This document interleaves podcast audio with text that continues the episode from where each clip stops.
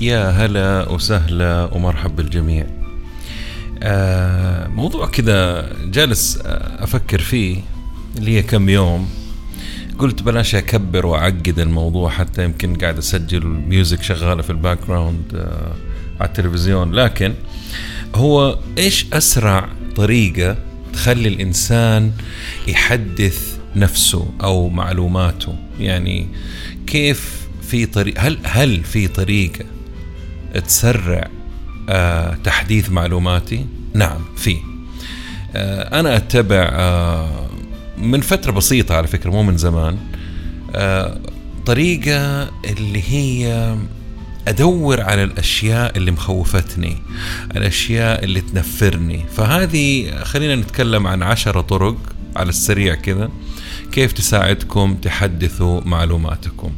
أول شيء لابد الإنسان يعرف إيش الأشياء اللي يعرفها ويتقنها. خلاص هذه أشياء بكل بساطة تتكلموا فيها تشتغلوا فيها.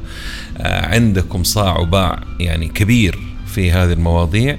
وبكل بساطة أي إنسان يسألكم فيها عندكم خبرة تقدر تخليكم بكل أريحية وثقة تتكلموا فيها. فإذا النقطة الأولى هي أنه إحنا نعرف الأشياء اللي إحنا نعرفها.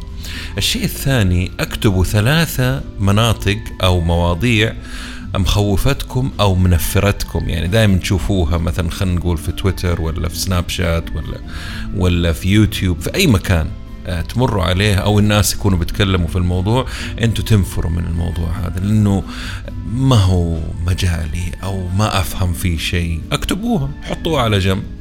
فهذه ترى على فكرة أحيانا يعني مثلا لو اليوم بنتكلم الناس بتتكلم في التقنية في الاوجمانتد رياليتي الواقع المعزز الواقع الافتراضي أشياء ومثلا اللي هو البرمجة والأشياء هذه كثير راح ينفروا ولكن ما حي فشيء عادي ترى مواضيع كثير ما نعرفها ولا نتابعها اكتبوها.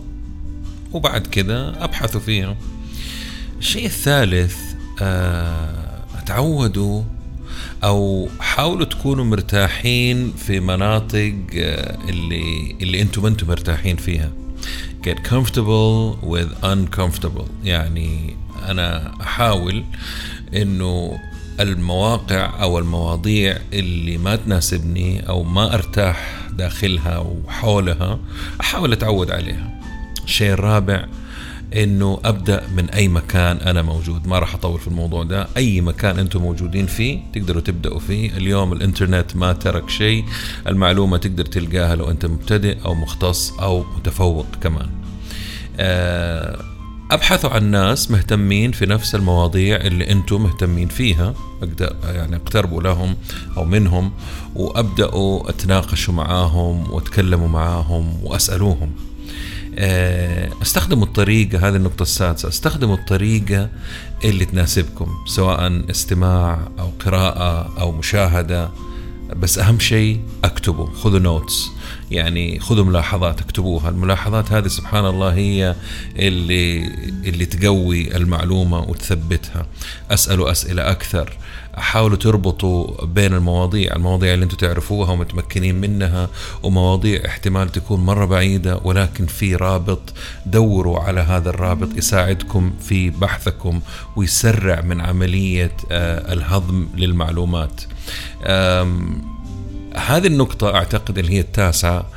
أهم نقطة أنا أستخدمها من سنين إلى الآن وأتوقع أن هي سبب أنه أنا بديت أتحسن في هضم المعلومات اللي هي تبسيط المعلومة بعد ما أتعلمها. يعني أنا تعلمت معلومة ما أنقلها زي ما لقيتها لا أحاول أبسطها أكثر. كل ما بسطنا المعلومات كل ما كان واضح إنه إحنا أنا بتكلم عن نفسي يعني.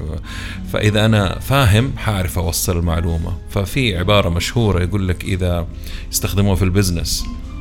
يقول لك إذا أنت ما تعرف توصل معلومتك أو المنتج أو الخدمة اللي أنت بتقدمها وتشرحها لطفل أو طفلة عمرها سبع سنوات وواحده عمرها سبعين سنة فأنت ما أنت فاهم الموضوع أو ما بسطته آه كفاية.